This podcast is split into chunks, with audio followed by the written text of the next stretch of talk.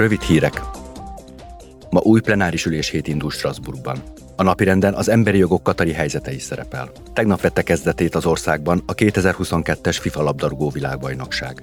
A Dohában diplomáciai küldetést teljesítő több emberi jogi csoport által összesített adatok arra engednek következtetni, hogy a világbajnokság lebonyolításához szükséges létesítmények felépítésekor külföldi munkavállalók ezrei haltak meg az építkezéseken.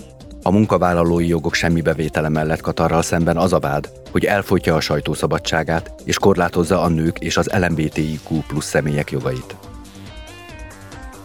A képviselők holnap a globális élelmiszerválság elkerülését célzó nemzetközi törekvésekről folytatnak eszmecserét.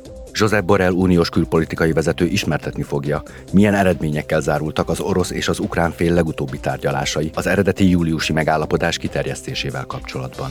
Újabb egyesség szükséges ahhoz, hogy Ukrajna továbbra is ki tudja hajóztatni a gabonát és a műtrágyát a Fekete-tengeren keresztül.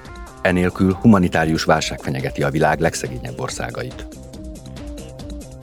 2021 nyarán 7 uniós ország is súlyos természeti csapásokat szenvedett el. Németországnak, Belgiumnak, Hollandiának, Ausztriának és Luxemburgnak pusztító áradásokkal kellett megküzdenie, Spanyolországnak és Görögországnak pedig vulkánkitörésekkel és földrengésekkel. Kárai enyhítésére az Európai Unió 2002-ben létrehozott szolidaritási alapjából most közel 720 millió euróhoz jutnak. Az alap eddig 100 természeti csapás károsultjain segített.